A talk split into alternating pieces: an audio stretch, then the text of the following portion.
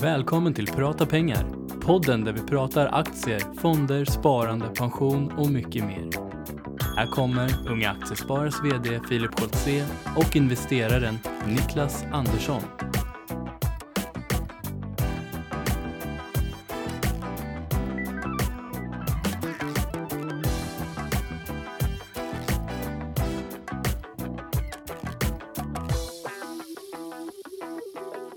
Säger vi eh, god morgon är det för oss i alla fall och glad påsk. Välkomna till podden Prata pengar.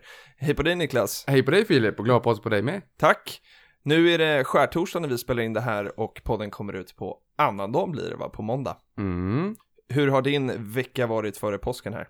Jo men det har varit bra. Jag vill bara påminna, nu är det ju halvdag på börsen så det är lite, Det är eh, det är lite kort tid idag. Så man var tvungen att köra upp i sitta kväll i natt då, så att och föra över pengar till portföljen så man hinner handla innan klockan ett. Ja men precis, du har lärt dig det här nu. Jag har lärt mig. Ja. Nej men börsen har varit bra, eller veckan har varit bra, vad det du frågar om. Men börsen Mm. har varit bra den också. Den har gått ner en 69 sen i fredags vid stängning. Vilket gör att när vi hade uppe sitta kväll igår, pengarna kommer in idag, så kan vi köpa våra bolag lite, lite billigare. Mm.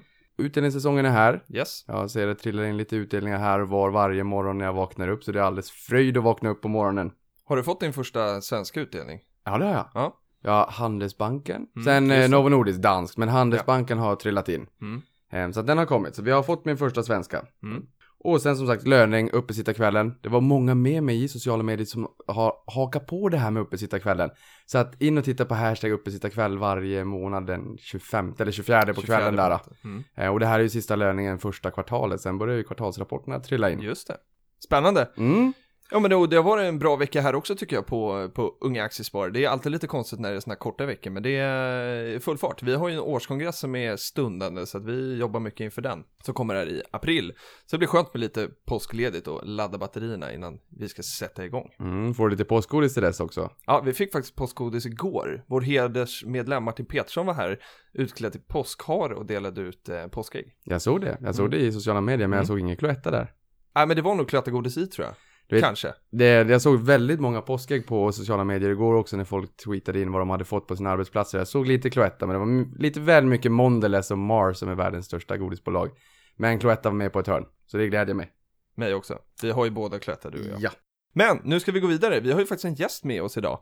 Magnus Hjelmer, varmt välkommen till podden. Tack så mycket. Och eh, jag, jag tror ju att de flesta eh, som är medlemmar i Unga Aktiesparare i alla fall vet vem du är. Men vi har ju också en hel del lyssnare som, som inte är medlemmar. Och för dem, vem är du? Jag heter Magnus Hjelmer och eh, är eh, tidigare vd för Unga Aktiesparare. Just det, min företrädare. Ja, men precis. Ja. Det, känns, eh, det känns tryggt att lämna över till dig. Tack. för närvarande så jobbar jag på ICA-banken som, eh, som vardagsekonom. Just det. Mm. Och vi kommer komma in mer på det. Och innan vi gör det så, vi- sa ju att det inte bara är medlemmar som lyssnar på den här podden. Vi eh, har ju lite jubileum höll jag på att säga, men vi firar lite idag. Eh, Vi har en tårta framför oss där det står hashtag prata pengar och sen så står det 25 000. För att vårt första, eller vårt mest lyssnade avsnitt som heter Vägen till första miljonen har 25 000 lyssningar. Helt fantastiskt. Och vi har ju bara 12 000 medlemmar, eller bara inom citationstecken unga aktiesparare, så att det finns ju bra potential att värva fler. Roligt. Och jag har fokus inställt på den garanterade avkastningen mitt på bordet här där vi sitter. Ja. Tårtan står där den står. Det kommer sen, det kommer sen. För er som kollar via Periscope, för att nu tror jag faktiskt att vi kör det, jag sneglar lite på, på Patrik, så, så är den inpackad, men vi ska fira med lite tårta här när vi, när vi är klara. Men vad roligt då Magnus, eh, vardagsekonom säger du, Mm. på ICA-banken. Stämmer. Vi känner ju till begrepp som sparekonom och det finns chefsekonomer och så här, men vad är en vardagsekonom? Ja, men precis. Det, det är ju, jag skulle vilja säga att det kanske är motsvarigheten till privatekonomer och sparekonomer, fast ändå lite annorlunda. Vi på ICA-banken gillar att göra det lite annorlunda. Så här, vi, vi tycker om att prata inte bara sparande och inte bara reporäntor och inflation och, och BNP och sånt här, utan eh, vi tycker om att titta lite bredare. Mm. Eh, det finns ju en stund innan man ska placera pengarna också. Och det tycker vi om att prata också. Så där. Hur, får man, hur får man pengarna att räcka lite längre? Eh, Så vi kommer att ta ett ganska brett perspektiv, alltifrån eh, hur mycket pengar sparar man om man käkar matlåda? Är det någon som vet? Niklas, Filip? Jo, men, nej, men jag, tycker, jag tycker priserna, nu börjar jag jobba i stan igen och, och då tycker jag priserna är ganska höga. Det är inte konstigt högt. med en hundralapp per lunch. Nej, inte och det alls. tycker jag är mycket. Men vad kostar en matlåda då? Ehm, 15? Nej, det tror jag inte. Tror jag. Ja, det beror ju på lite grann vad man käkar i och för sig. Mellan, mellan 10 och 20 spänn skulle jag nog säga. 10-20 spänn. Magnus kanske räknar på det. Magnus har Ja, facit. Jag har facit. Ja. Tre- 13 000 kronor om året sparar du på att käka matlåda varje 13 dag. 000 kronor. 13 000, det är ganska mycket. Det är en bra resa. Ja, eller hur? Eller en bra tillskott i portföljen. Ja men säg i stan där då, 100 kronor om dagen, ja 250 börsdagar vet jag att det är, det blir väl 250 arbetsdagar också. Det är ändå ganska mycket pengar. Ja, det men blir precis. Det här är ju räknat på en genomsnittslunch i, Mm. i Sverige då. Så. Ja. Den kostar Det- inte lika mycket i Boden. Nej, det gör den ju inte. Men för att tillbaka till frågan. Mm. Vi, vi kommer att titta ganska, ganska brett som sagt. Och vi har ju ICA i ryggen så vi tycker ju om att eh, såklart prata mat och, och konsumtion, matkonsumtion. Så högt och lågt, men Mm. om vi tittar lite mer på det vardagliga, det som berör människor i, i vardagen, inte bara sparande. Men då, då handlar det om alltså så hur, vad, man kan göra för förändringar i, i livet för att kunna spara helt enkelt. Dra ner på kostnaderna. Ja, Mm. precis. Ni pratar ju mycket om att få prata, prata intäkter, liksom. hur Mm. maximerar vi? Och kanske framförallt när man, när man redan är där och har pengar, hur ska man eh, förvalta och placera dem? Jag vill också prata om hur ser vi till att få så mycket pengar som möjligt att kunna förvalta. Och du hade ju något tips också. Var, var läser man dina tips någonstans? Du finns ju på Twitter. Jag finns på Twitter, Ja. Magnus Hjelmér heter jag där. Mm. Ehm, Och sen så finns eh, även på, på ICA-bankens hemsida. Vi, vi lanserar alldeles strax en ny hemsida och där kommer jag att, ha en egen bloggs. Men i, i dagsläget så ligger inläggen direkt under, under ICA-bankens hemsida. Så Så det gör det.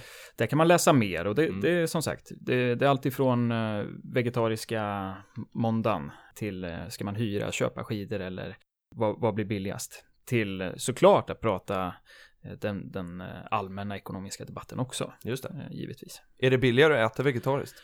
Det är mycket billigare att äta vegetariskt. Det är bra för, det är bra för kroppen, det är bra framförallt för miljön och det är bra för plånboken. Mm. Så vegetariskt är bra. Man mixar upp köttfärsen med, med bönor eller så kör man bönor helt och hållet kanske. Ja, exakt. Det är jättemånga. Vi är ju tacofrälsta i det här landet, Mm. så man kan ju börja fundera på hur mycket pengar man skulle spara om man spädde ut köttfärsen eh, till varje tacomiddag. Så bönor eller eh, röda linser kan man ha i där, så blir det. det smaskigt. Ja men det där är rätt spännande. Jag är nyfiken, jag ska läsa bloggen. Jag är nyfiken på hur man kan spara in lite grann där till vardags och kunna köpa lite fler aktier. Och sen även Taco där, Santa Maria. Har ett stort ägande i, i eh, Mat.se, Matse som är noterad på en av de mindre listorna. Eller inte noterat, listat snarare på en av de mindre listorna. Mm. Det var en liten utsvävning som jag inte klarade mig att hålla mig ifrån. Och, och om jag får vika in här, vi pratar lite godis. Mm. Eh, ni pratar ofta godis, det tycker jag om. Jag är ju en trogen lyssnare på, på podden såklart och uppskattar Kul. den väldigt, väldigt mycket. Eh, Tack. Men eh, försäljningen av lösviktsgodis ökar ju 133% här i påsk, påsktider. Och förpackat godis 30%. Så det är bra uppsving för Cloetta tror jag. Mm. Just det. eh, På tal om Cloetta. Ja, och där måste jag göra ett medskick till ICA. Ni får gärna byta ut Candy King till, till Cloetta. Jag såg faktiskt att Såklart min, att du tycker. min, min lokala ICA redde ut sitt lösviktsgodis för att de skulle byta leverantör. Jag vet inte vem den nya leverantören är, men jag hoppas lite att det är Cloetta då. Ah. Mm. För de har ju både lösviktsgodiset och um, Nutisal. Just Nötmix det. och nötblandningen som man kanske tidigare kände igen. Parrots. Mm. Som var en stor aktör som fanns på många olika butiker. Men Nutisal har börjat komma med sina nötter istället. Så de har både lösviktsgodiset, Mm. nötterna och sen stycksakerna också. Och jag vet att det är betydligt, ja betydligt ska man inte säga, men det är bättre marginal på lösvikten där är det. Och sen har han tipsat oss en gång tidigare också om att det absolut dyraste godiset är det godiset som ligger högst upp i lösviktsdisken där uppe. Jaha. Så de, ja, de plockar man, de är de dyraste. Aha. Mm. Du vet right. det. Intressant. Och- Pris är och- vad du betalar och värde är vad du får. Ja. och ICA-banken då, ni ägs ju alltså av ICA-gruppen. Ja, det stämmer bra. Som man kan köpa på, på Stockholmsbörsen. På Stockholmsbörsen. Mm. Jajamensan. Har du en ICA-aktie? Ja, självklart. Man vill ju sitta i båten när man jobbar. Ja, Men Magnus, du har ju en, en lång historia inom Unga Aktiesparare och eh, inför den här podden så, så bad jag dig att förbereda några roliga minnen. Vad är dina bästa minnen med Unga Aktiesparare? Ja det, det finns ju så många. det finns jag- så många, men om, visst- du, om jag- du skulle få plocka några då? Ja, jag, jag funderade länge, länge, länge, länge, länge. Eh, Och det, jag ska inte säga det första som, inte, mitt, inte riktigt min första möte, men min första, min första kongress med unga aktiesparare skedde i, eh, i Södertälje, där vi Mm. ofta var på, på ett och samma hotell. Och det här var eh, sk- skräckblandad förtjusning, måste jag säga. Eh, Som ny i, i UA-världen så skulle jag då få möta resten av Sveriges unga aktiesparare. Och som ganska ung och bara få resa iväg och, och, och ta sig iväg på centralt event var ju stort för mig och bo på hotell och, Eh, och sådär. Och, men eh, jag, jag kommer då till Södertälje och smyger in där och checkar in och, och får reda på att eh, mina vänner sitter lite längre bort. Och när jag går emot de här och, och så möts jag då av Andreas Serander som var vd då som kommer och hälsar på mig och, och där, där satt alla i, i eh, kostymer Mm. och satt och pratade aktier och ja, det var, det var, det var en lite skräckblandad förtjusning. Det var otroligt spännande då, för bara det här att ha saker gemensamt med andra människor, Mm. att man pratar lite samma språk är ju jättehäftigt. Mm. Men som ung så, så var det, ja, det var starkt, starkt minne, verkligen. Det är ju så här första stora som jag tar med mig som ligger varmt, eh, varmt eh, om hjärtat. Sen är det såklart eh, tiden som, som vd för Unga Aktiesparare. För du var vd under åren Ja. 2012 Tj- eh, 2012, var det. Mm. precis, till, Till i somras. ja, Mm. exakt, till 15 här i somras, ja. Så många spännande år. Och såklart får man, får man jobba med det som man älskar och jobba med alla människor som, som man träffar inom den här organisationen så, eh, så är man ju lycklig varje dag man går till jobbet. Så det är ju lite flummigt svar, man ska ju inte säga att det är hela, hela UA-tiden. Men alla de här mötena som, som man har inom Unga Aktiesparare, eh, både med näringslivet och givetvis med eh, med alla aktiva i organisationen och alla andra som man träffar som är intresserade av sparande. Det är ju ett, många starka minnen därifrån. Eh, sen fick vi ju möjligheten att göra en, en spännande och bra resa på Unga Aktiesparare. Vi, vi ökade medlemsantalet och eh, antalet lokala delningar, så bara det var ju spännande. Det, var ju, det är ju fortfarande ett positivt börsklimat och var under de här åren också, så intresset eh, steg, steg där ute. Jag ska bara återkoppla till den här, eh, som du sa, jag tycker det är så kul med det när du kom första gången och träffade massa eh, ungdomar i kostym. Det här är ju fortfarande, i alla fall på våra centrala event, så, så kan det fortfarande vara en ganska vanlig syn. Eh, men jag vill bara göra medskick till er där ute att, att om, om eh, ni inte är medlem i Aktiesparare och vill gå på någon av våra träffar, så det är inget kostymtvång, alltså man behöver inte ha kostym, utan det är mer kanske för att vi har lite middagar och sådär på de här centrala evenemangen så är det lite kul att klä upp sig. Men vi är inga kostymnissar, det skulle jag inte säga. Nej, man behöver bara ett glatt humör och ett aktieintresse. Eller Exakt. åtminstone vara lite nyfiken på det. Precis. Verkligen. Så kan man komma i hoodie eller vad man vill liksom. Bra. Ja, gärna får ju kläderna komma från något noterat bolag. Det är ju ingen nackdel. Men, men man får klä, på sig, klä sig precis hur man vill. Det får man göra. Mm. Kul. Eh, Och och vi pratar ju pengar i podden, precis som den heter. Eh, Och vi blir såklart nyfikna också på hur agerar du med dina pengar? Och då pratar vi, och då ställer jag två frågor till dig. Både hur sparar du dina pengar så att du ser till att du har pengar över och sen hur investerar de? Och vi kan börja med det här spara då. Ja, det är ju eh, kul att du frågar. Ja. ja. Hur får du pengarna att räcka? Hur får jag pengarna att räcka till? Det är ju så här att eh, om man- om man bara tittar på de tre största kostnadsposterna som vi har av disponibel inkomst så är ju boendet den absolut största kostnaden där vi lägger mest pengar. Sen har vi transport eh, och sen har vi inköp av livsmedel.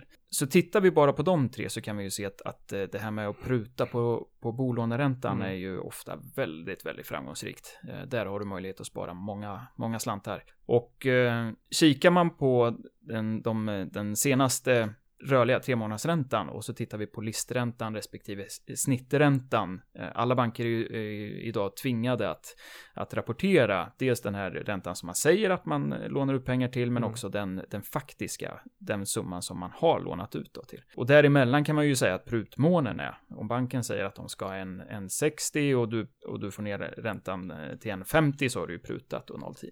Men tittar man på, på den senaste eh, månaden då i februari som har redovisas så har gemene prutare då prutat 0,34 procent. Mm. Eh, på ett lån då på 3 miljoner strax över så är det här 11 000 spänn om året. 11 000, och då pratar vi gemene prutare, Mm. gemene prutare och, och såklart många gånger när man flyttar hela, hela engagemang eller startar engagemang så kan man pruta ännu mer. Och det här är ju något som är jätteviktigt. Vi har ju ett, ett, dessutom ett, ett lågränteläge idag där, vi, där man pratar, Nordea pratade senast igår om att de trodde att bolåneräntorna har nått sin, sin botten, eventuellt någon punkt, punkt till, men annars så är vi längst ner. Och då har möjlighet att, att pruta 0,34 i det här låga ränteläget Det är ju bra. Men så att, att se över sina bolån är ju mitt absolut första tips. Mm. Eh, man ska inte vara, man ska inte skämmas för att pruta hos banken, Nej. eh, hos alla banker. Så där kan man spara Kan man mycket pengar. pruta hos ICA-banken? Det kan man göra. Okej. Eh, Man kan pruta hos alla banker. Eh, Med tanke på, på, på list och snitträntan. För, för där finns det ju någon sån här,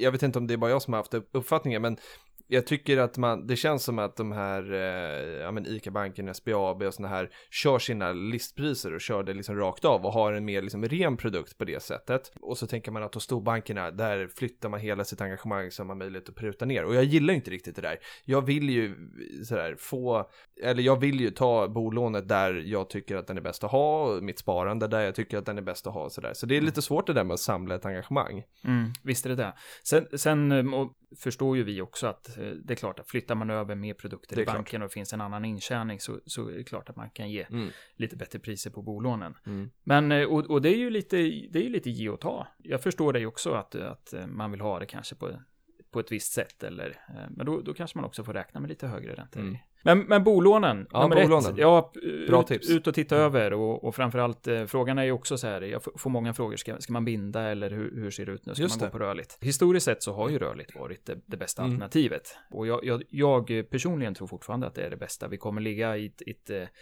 lågränteläge här ytterligare eh, ett par år framöver, räknar man med, om man tittar på ränteprognosen. Så äh, jag skulle vilja säga, kör, kör eh, rörligt eh, ett tag till. Det Mm. behöver man nog inte vara rädd för. För det är många som tänker ändå att när man läser i media om att nu har räntan bottnat, det kan inte gå liksom längre ner, så, så, är det ganska enkelt att resonera kring att ja, men då låser jag den här och nu man kanske låser på fem år eller vad det då är sådär. Mm. Men då är det ju den risken man tar då i så fall att när ska räntan börja öka? Ja, men precis. Och sen är det ju självklart så är det ju så här beroende på hur, hur man känner själv. Är man en, en trygghetsperson så är det ju klart att det är skönt att vakna upp varje morgon och, och se till att eh, och veta vad, vad man ska betala givetvis. Men man får räkna med ungefär 1000 kronor extra i månaden för att binda räntan. Så det, det är ju avgörande man, man får, får göra då. Vill jag betala lite extra eller gå rörligt? Jag lägger hellre dem på börsen. Ja, nej och jag har klurat lite grann så här också. Vet ni hur mycket börsen har avkastat de senaste 100 åren mellan 1900 och 2000? Kopplat till bolånen. Det kommer en poäng. Nej, jag vet inte. Nej, börsen har avkastat 11,6% procent i Mm. nominella termer och 7,6% procent i reala termer. Mm. Nominella är inte inflationsjusterat. En Just det. Donken kostar inte en tia när vi går i pension. Nej. Och sen är det 7,6 då i reala termer. Just. Köpkraftsjusterat. Mm. Sverige har varit världens bästa börs. Under den här perioden. Då tänker Världens jag bästa världens bästa börs. Och vad sa du? Från 1900? från 1900 kallt till 2000. Okej. Och då har Mm. man tittat på 16 stora utvecklade ekonomier. Så det finns ju förmodligen små ekonomier som har kunnat växa väldigt snabbt. Just det. Eh, men av de, de 16 stora. Jag önskar att jag kunde rabbla upp alla här men det, det kan jag tyvärr inte. Så jag tittade lite grann på den där tusenlappen man kan spara på bolånet och vad det. faktiskt gör över tid. Mm. Eh, och skulle man spara 900 kronor i månaden, att man tar den här besparingen på bolånet och lägger det på börsen istället och får en 11% i avkastning Mm. i nominella termer Ja. så har man ändå fått ihop 13,5 miljon på 45 år. Sen är det inte säkert att det är 1345 eller att Nej, man nej. får samma utveckling framåt, men det är fortfarande en rätt bra slant. Mm. Verkligen. Ehm, Så ta den besparingen i sådana fall och lägg den på börsen, lägg den på ett sparande. För, För att den förväntade avkastningen är högre. för att den förväntade Mm. avkastningen är betydligt högre. För det blir ju lite så också, som man sa här äh, tidigare, att räntorna kanske kommer fortsätta ligga på låga nivåer. Och då kanske att ta en, en bunden ränta lite grann som att teckna en försäkring för en vattenskada i Sahara.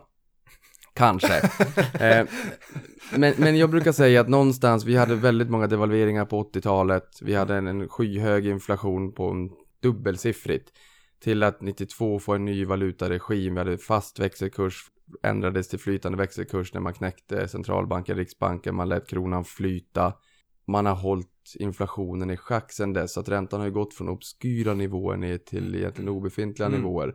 Så att frågan är om, om, om räntan kommer att kunna falla något ytterligare. Mm. Räntan har ju fallit som, ett, som, ett, eh, som en konsekvens egentligen av, av det skiftet som skedde 92. Just det. Sen har den gått hela vägen ner, rakt ner i botten och idag ligger vi på nivåer att vi kan inte börja riktigt betala folk för att låna pengar. Nej. Det har skett vid något enstaka tillfälle i Danmark för att den var, eh, räntan var kopplad till Stibor. Men, Mm. men det är liksom väldiga underligheter. Det ska inte gå att få Nej. betalt för att låna pengar. Eller motsvarande betala för att spara pengar då. Nej, Mm. men däremot så har jag också sett ute i, i sociala medier från en amerikansk nyhetssajt som sa att de negativa räntorna har fått en rätt konstig påverkan på bolånen i Schweiz.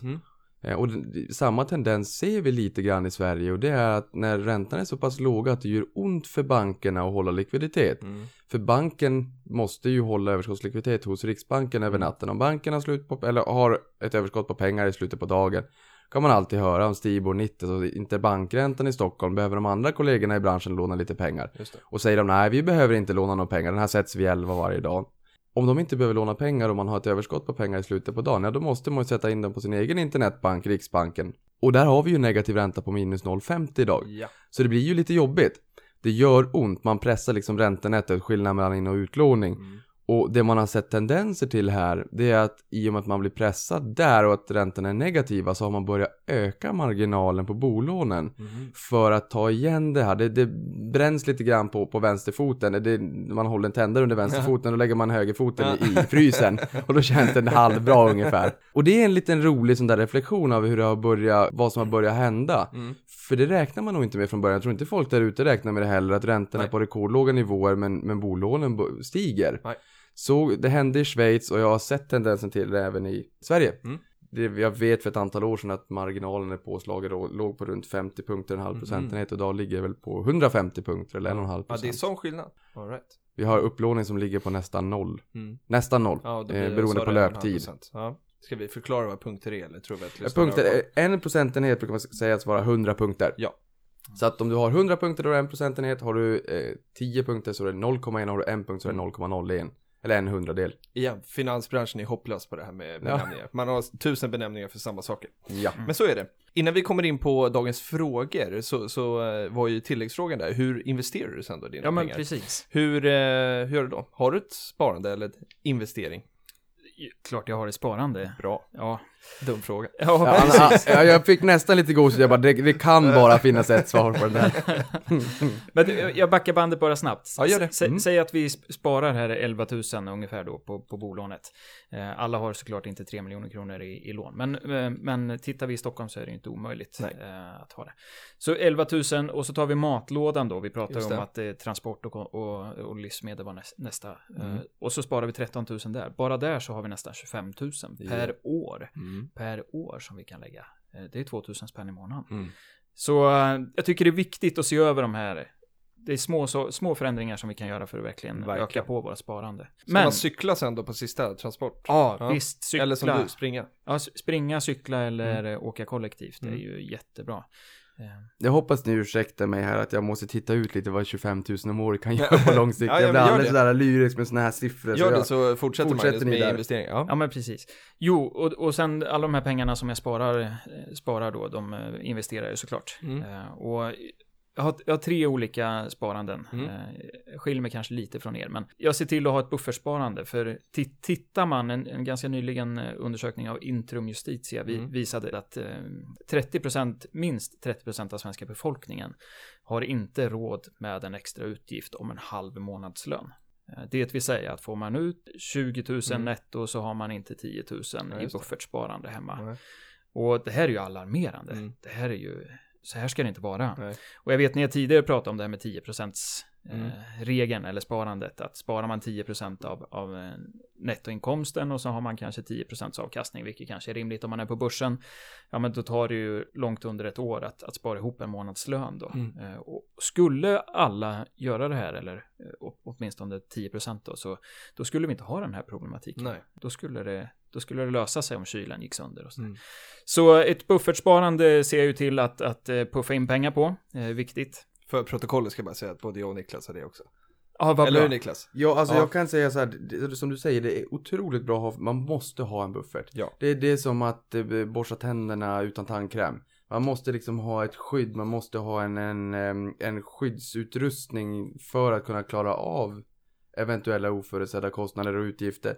Ja, För och det- för att eh, slippa riskera att behöva ta från portföljen. För är det som du säger att Mm. kylen går sönder eller man får en vattenskada eller sådär, även om man bor i Sahara, så vill man ju inte sälja av sina aktier för att behöva betala det här. Har jag, har jag berättat om min kollega en gång i tiden som sålde av 10 000 i H&M Ja, har på du berättat. 70-talet som skulle ut och åka skidor? Det kan bli väldigt dyrt. Det var en dyr skidresa. Ja. Nej men just det här med buffert. Jag har sagt runt 50 000 i buffert. Jag tycker att det är en bra nivå.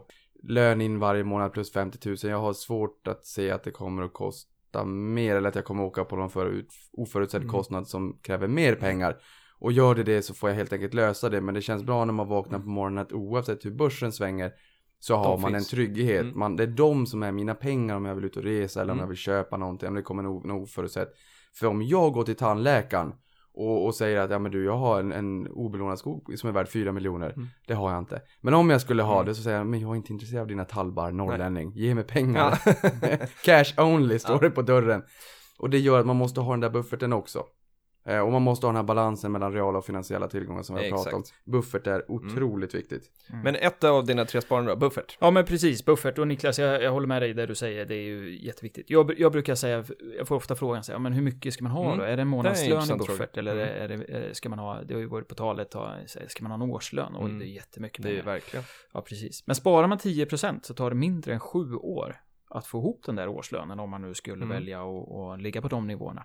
Men jag kan tycka två månadslöner minst, det Mm. bör man nog ha. Eh, framförallt om man då har bil och kanske villa, för det är ofta där det kan uppstå lite större kostnader än kanske man bor i hyresrätt och åker, åker kollektivt. Så två månadslöner, det tycker jag är rimligt. Men buffertsparande är ju en del. Sen har jag något som jag kallar för mål, målsparande, där jag sätter upp mål. Det kan vara allt ifrån resor eller att jag ska köpa mig en ny cykel eller eh, vad det nu kan vara som lockar.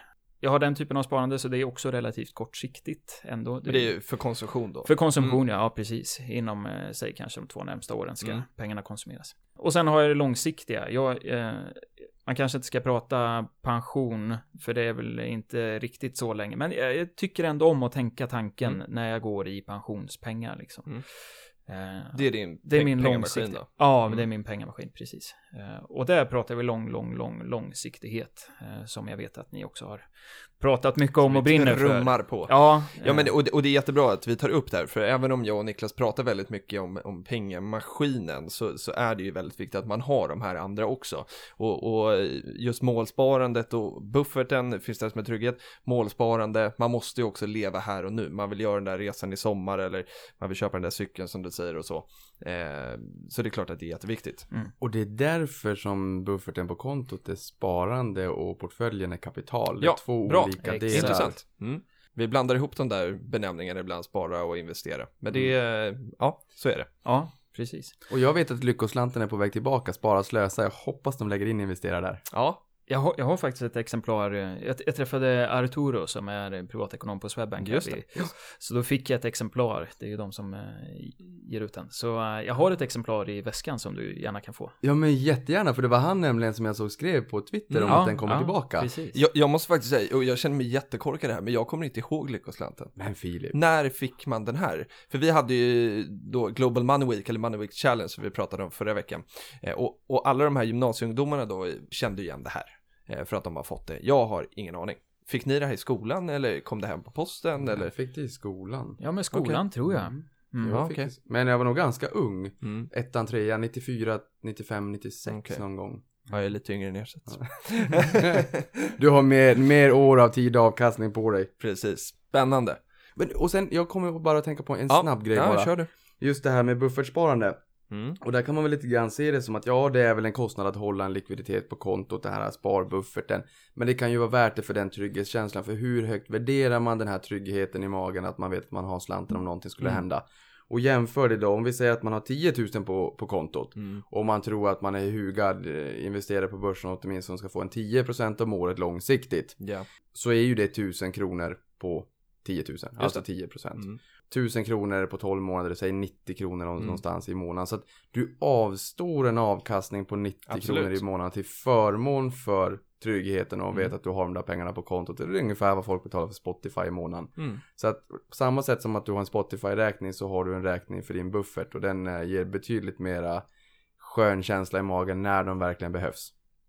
Så det är lite grann så man kan tänka. Eh, och, och det här leder oss faktiskt in på dagens första fråga. Vi, eh, vi får ju, och ska jag förklara för dig också Magnus, att vi får ju frågor på, på Twitter under hashtag prata pengar. Det kommer också in på andra ställen, men framförallt på Twitter.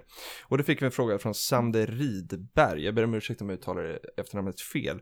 Men han undrade om alternativ för korta placeringar, för det är det vi pratar lite om här då. Det kan vara buffert eller eh, målsparande, ett till tre år säger han. Och så undrar han om man ska hålla sig borta från aktier och aktiefonder helt. Han frågar också om trygga preffar är ett alternativ, för han vill ha över 0%. Vad ger vi för svar här då? Här kanske du kan gå till dig själv Magnus, hur placerar du din buffert och ditt målsparande? Pratar vi ett till tre år så skulle jag vilja säga att då skulle jag hålla mig borta från aktiefonderna. Mm. Eh, Det skulle jag göra. Eh, Det, I dagsläget så får man ju inte jättemycket ränta på sparkontot så det kan vara lite tråkigt att och, och placera pengarna och få, få 0,10 eh, i ränta. Men mitt tips där är ändå att sätta, sätta pengarna på sparkontot. Man kan ju göra en jämförelsesökning vart man får högst ränta med insättningsgarantin Mm. och sen så välja det alternativet. Eh, och framförallt om vi pratar ett, två, två Mm. år så, så eh, nej, då skulle jag undvika aktiefonderna. Jag, jag väljer ju faktiskt eh, en räntefond här, en kort räntefond, som Spiltan räntefond.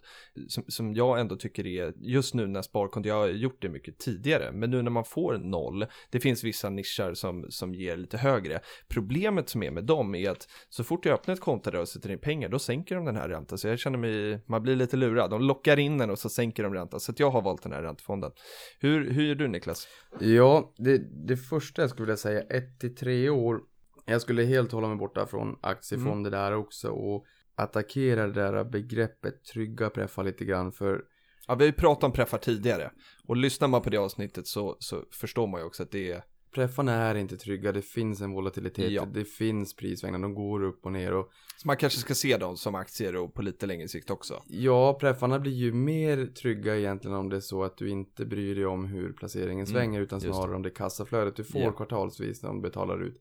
Men är det så att man är beroende av pengarna inom ett till tre år så kan det vara lite vanskligt Mm. att ha dem på börsen överhuvudtaget och det innefattar faktiskt preffar. Mm. Även om jag segmenterar dem i min eh, hjärna eh, som, som eh, tryggare alternativ. Absolut. Men inte trygga, men Nej. tryggare. Men hur eh, förvaltar du din buffert då? Äh, Bufferten är på sparkonto. Det är på sparkonto. Och det, där, där är det ju, jag har som alternativkostnaden där är Mm. ju som jag sa där att om man då räknar att man får 10% på Mm. pengarna. Mm. Ja, om jag ska ha 50 000 där så är det 5 000 i, Mm. om året. Eh, 400 kronor i månaden och det, är- det är en Men kostnad det är för vad mig. tryggheten kostar. Ja, på samma sätt som bredband eller vad som helst. Mm. Det, är, det är min kostnad för tryggheten och jag tycker att den är rätt Men behaglig. har du någon ränta på det här kontot då? Nej. Ingen alls? Nej, ingen Nej. alls. Och det är så här, jag kan, visst kan jag jaga ränta. Du har Akelius nej nu ger de inte så mycket, men Nej, de ger väldigt hög ränta upp till 50 000 kronor. Förvisso, men det är mycket meck och syftet med det här kontot är att jag ska kunna komma åt den på sekunden. Ja. Eh, och då tycker jag att nej, jag har 99,99% av mina pengar på, på börsen. Ja. Och om jag då har en liten, liten andel på ett sparkonto utan ränta som är min trygghet, Mm. då må det så vara. Mm. Man, jag kan inte alltid vara strängt kalkylerande, nyttomaximerande och i det fallet så känner jag att nej, de gör bättre där, helt Mm. enkelt. Men däremot just det här med, med räntefonder på, i portföljen också. Mm. Där är det lite vanskligt om det är så att man har ett schablonskattat skal. På depån Ja, jag man väljer att ha dem i depå. Ja, Mm. i depån kommer man ihåg också att när man får den här lilla, lilla utvecklingen då på räntefonderna idag för vi lever ju i ett väldigt konstigt klimat i en väldigt konstig räntevärld just nu som vi aldrig någonsin har sett. Mm. Nå- det är ingen, varken på planeten eller i universum som har sett det här. Mm. Vi är ju ensamma i universum, vad vi vet. Ehm, och kom ihåg också beskattningen på 30% på, Ja. på den vinsten man gör. Ja. När det kommer till schablonskattade skal, ISK och kapitalförsäkring så är det ju lite grann av en paradox.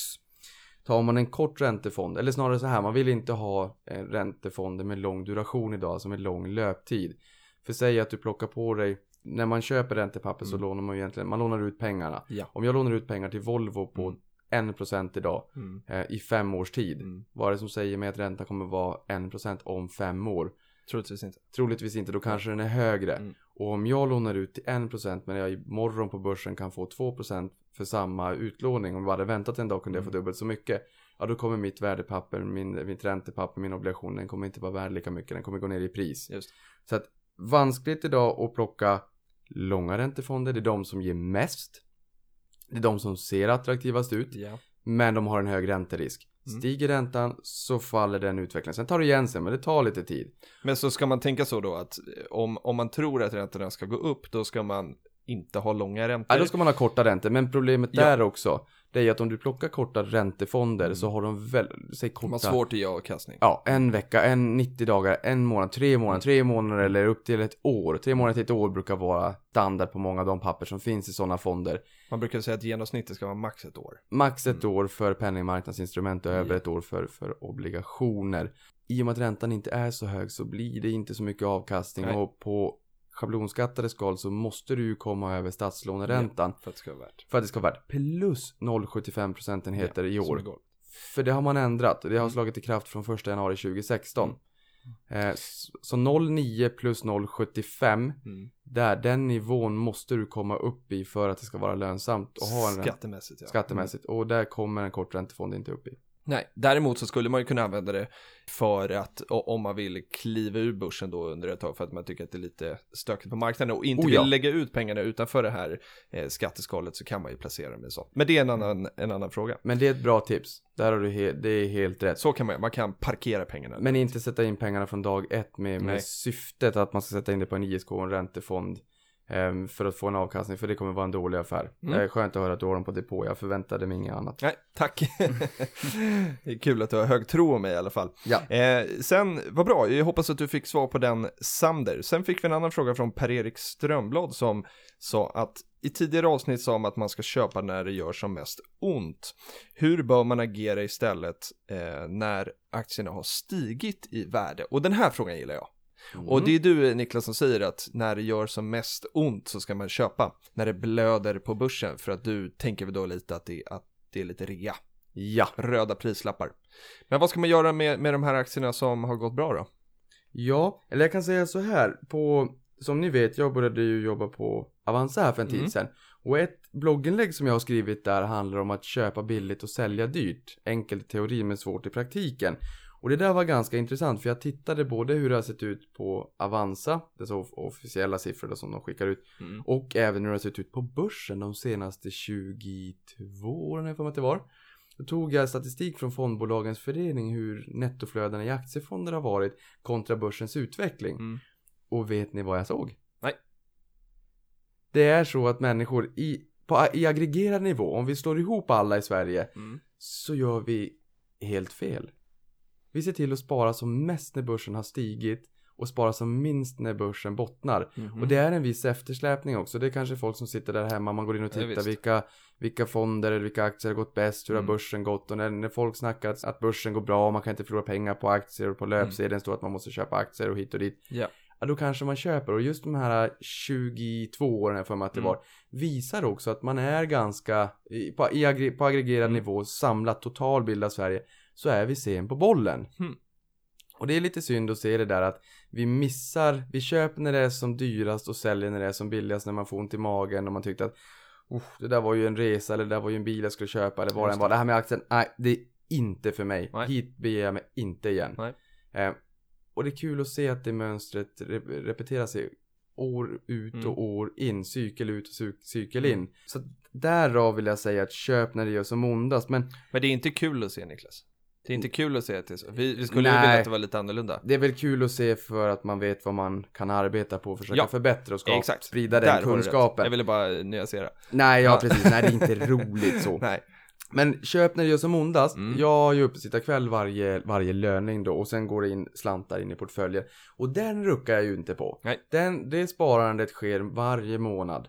Men är det så att börsen tenderar att svänga väldigt mycket, Mm. att vi får en riktig ordentlig sättning, ja men då brukar jag skänka lite mer pengar till portföljen. Mm. Och det menar jag just det där köp när det gör som ondast. Eh, en as- lite extra. en aspekt på det kan vara att skippa inte ditt månadssparande för att börsen har tenderat att gå ner väldigt mycket. Du adderar en psykologisk dimension om du försöker tajma och när ska du då spara det där? Eh, Förra året var börsen bra, vi såg mycket inflöde i aktiefonder idag, eller idag, i år, idag går börsen också ner 0,87. På, I år har börsen börjat väldigt dåligt, vi Mm. hade rekorddålig start. Mm. Och då går insättningarna ner. Mm. Och det borde vara tvärtom. Ja. Som sagt, går det ner väldigt mycket, när det känns som att det gör ont i magen, då är det perfekt läge att köpa Mm. lite mer. Mm. Och det finns ju, eh, jag tycker ofta man hör också att man, man ska behålla vinnarna och sälja förlorarna. Hur, eh, hur är du Magnus?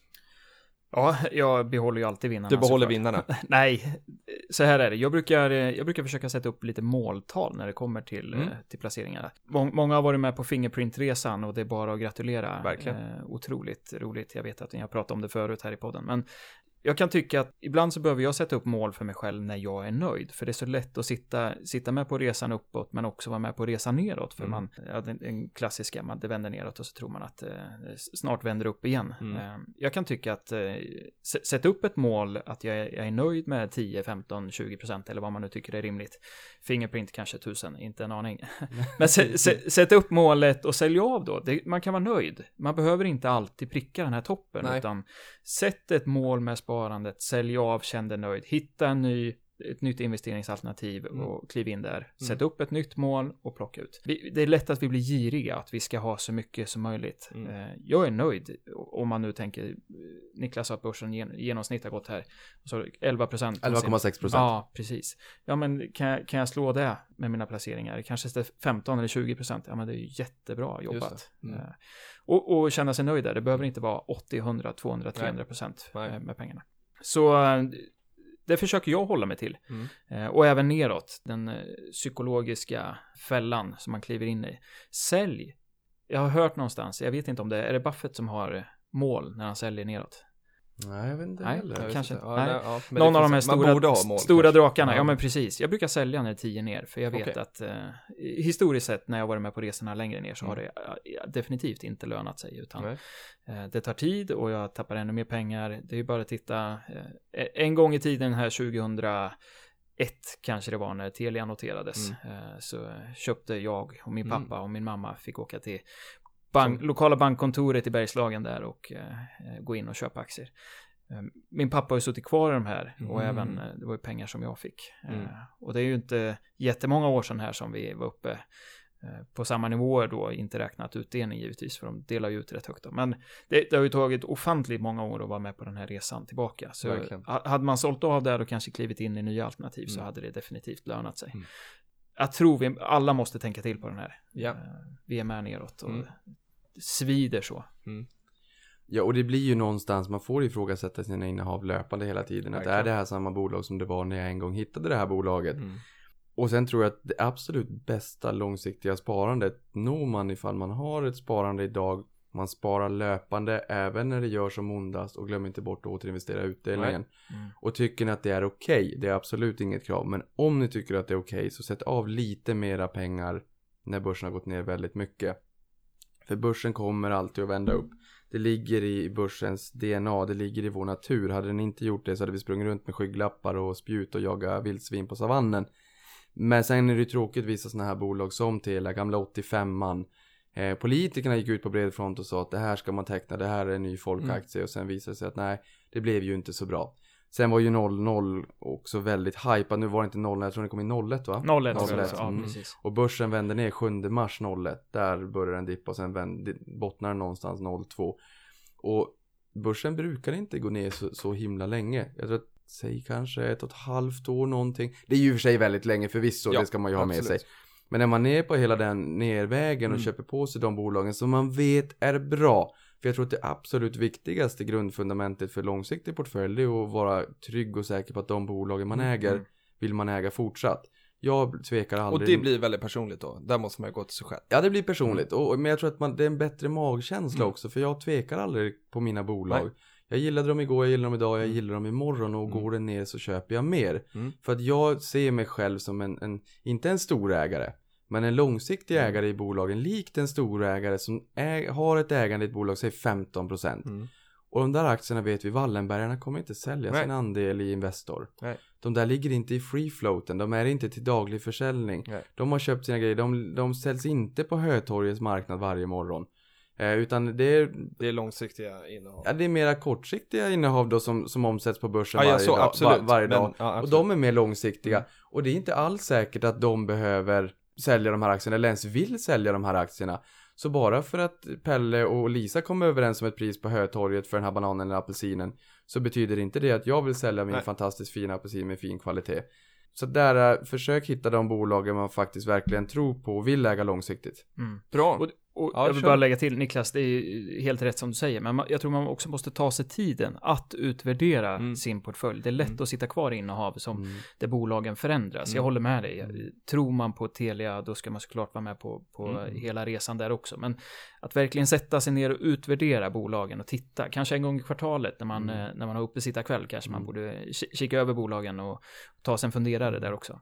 Jag sticker inte huvudet i sanden. För, för där är det lite, vi pratar om ma- matlåda här initialt. Mm.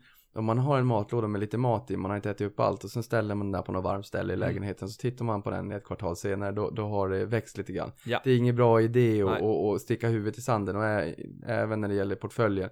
Precis som Magnus säger, sätt dig ner och reflektera över, är det samma bolag? eh, som det var en, när jag en gång köpte det här. Tror jag fortfarande på det här och tror du inte på det, gör det av med det innehavet helt enkelt. Så det är ett jättebra tips. Bra. Innan vi kommer in på Niklas nyhetssvep så ska jag bara läsa den tredje frågan som vi hade tänkt att ta upp idag. Och då är det från Finansaren på Twitter som skrev Man hör ofta om att man ska köpa periodvis. Vilken tidshorisont frekvens bör man ha om man har 200 000 kronor att investera? Eh, och jag tänkte svara på den här väldigt kort. Nu när vi har svarat på de andra frågorna så, så inser man här att 200 000, eh, vi har ingen aning om om 200 000 är mycket eller lite pengar för den här personen.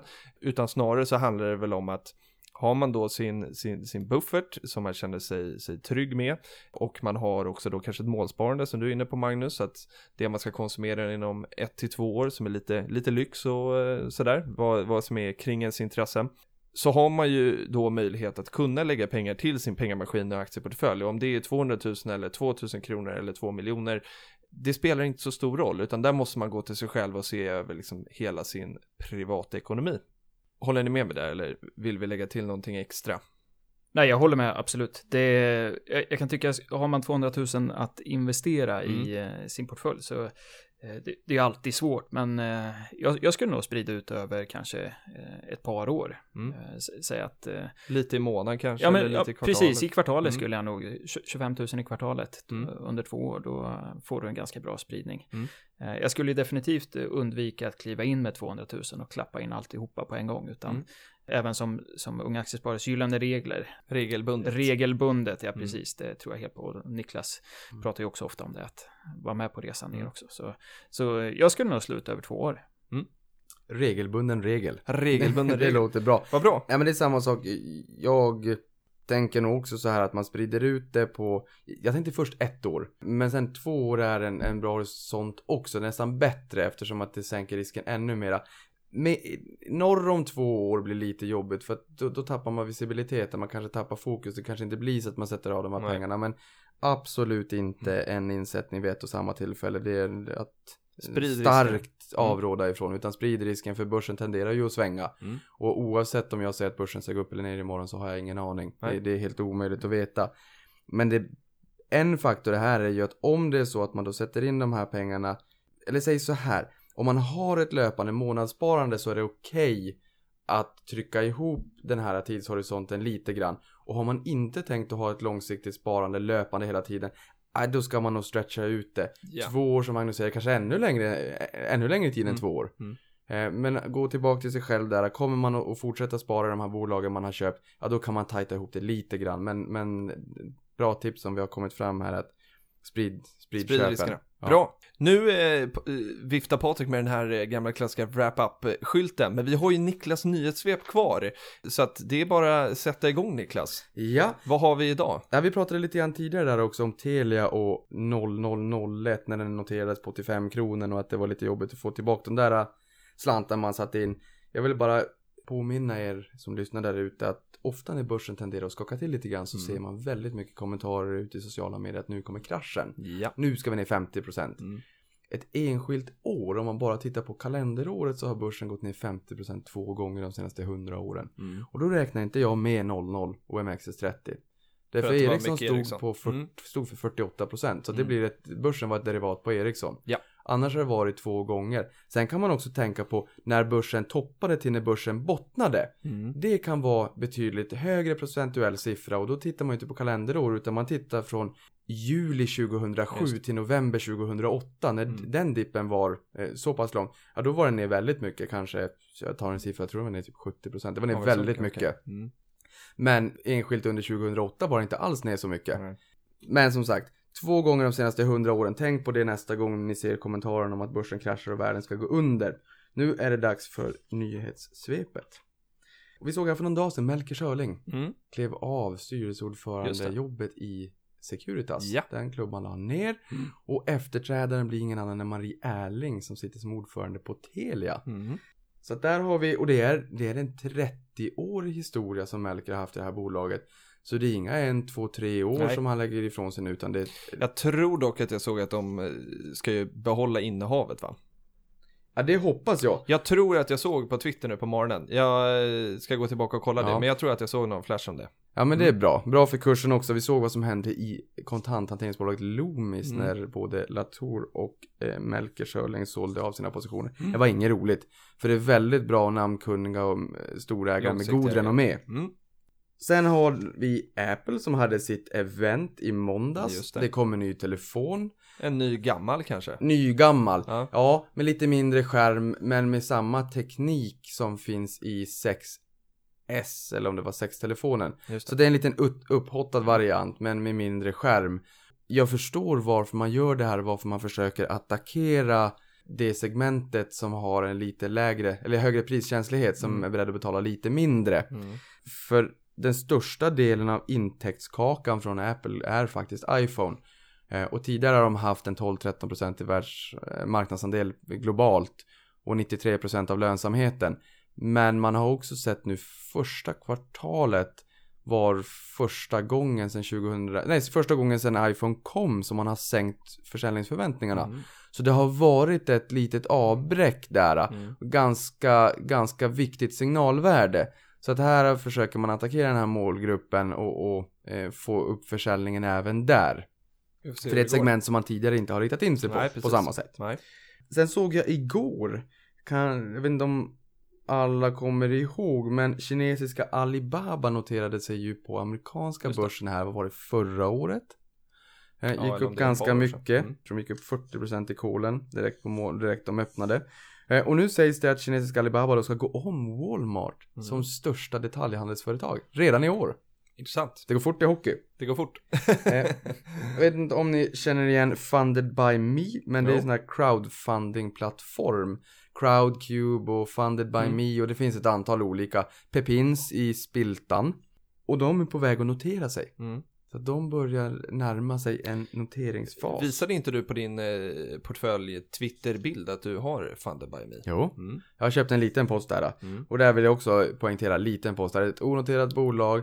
Blöder mycket pengar för att man vill försöka. Det, det, det kostar att vara i framkant teknikmässigt Mm. och det är mycket system och det, det kostar mer än vad det smakar innan man har börjat få upp stordriftsfördelen. Just det. Ehm, så att jag har en liten position i Funded by Me. Jag tycker det är lite spännande. Mm. För man kan väl säga att ja, det kanske inte är fantastiska bolag allihopa som man ser i crowd, crowdvärlden. Nej, nej.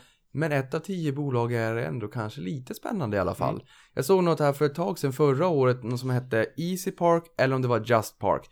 Ett av de här finns och det andra var det nya. Jag vet Okej. inte vilket som är Nej. vilket. Någon av dem. Och de skapade en, en tjänst som var lite grann som Airbnb fast för Mhm. parkeringsplatser. Ja. Så att du kunde själv lägga ut om du bodde nära stan i London Mm. säger vi och du hade en uppfart där, där det inte stod en bil eller din egen parkeringsplats och du skulle ut och semestra. Så kunde du bara lägga upp den här Mm. i, på den här sidan och hyra ut den och folk betalade dig via mobilen. Smart. Så att det användarna skapar innehållet själv och, och de stod bara för marknadsplatsen. Och det där tyckte Mm. jag var väldigt smart. Intressant. För det behöver inte vara en, en regelrätt parkeringsplats utan det kan ju vara ett, någonstans där man får stå där jag äger den här marken och här får du stå och jag tar 10 eller 15 kronor i timmen. Just det. BMW gick in och tog 30% av bolaget direkt. Hmm. Så det behöver inte Mm. bara vara halvdana bolag. Nej. Den är ganska spännande tycker jag. Sen ska vi se här. Vidare så har vi H&M's vd Carl-Johan Persson och Avanzas tidigare vd Niklas Storåker som köper Price Runner. Jag såg det. Ja. Spännande, spännande att se vad som ska hända där. Mm. Eh, Det händer lite saker.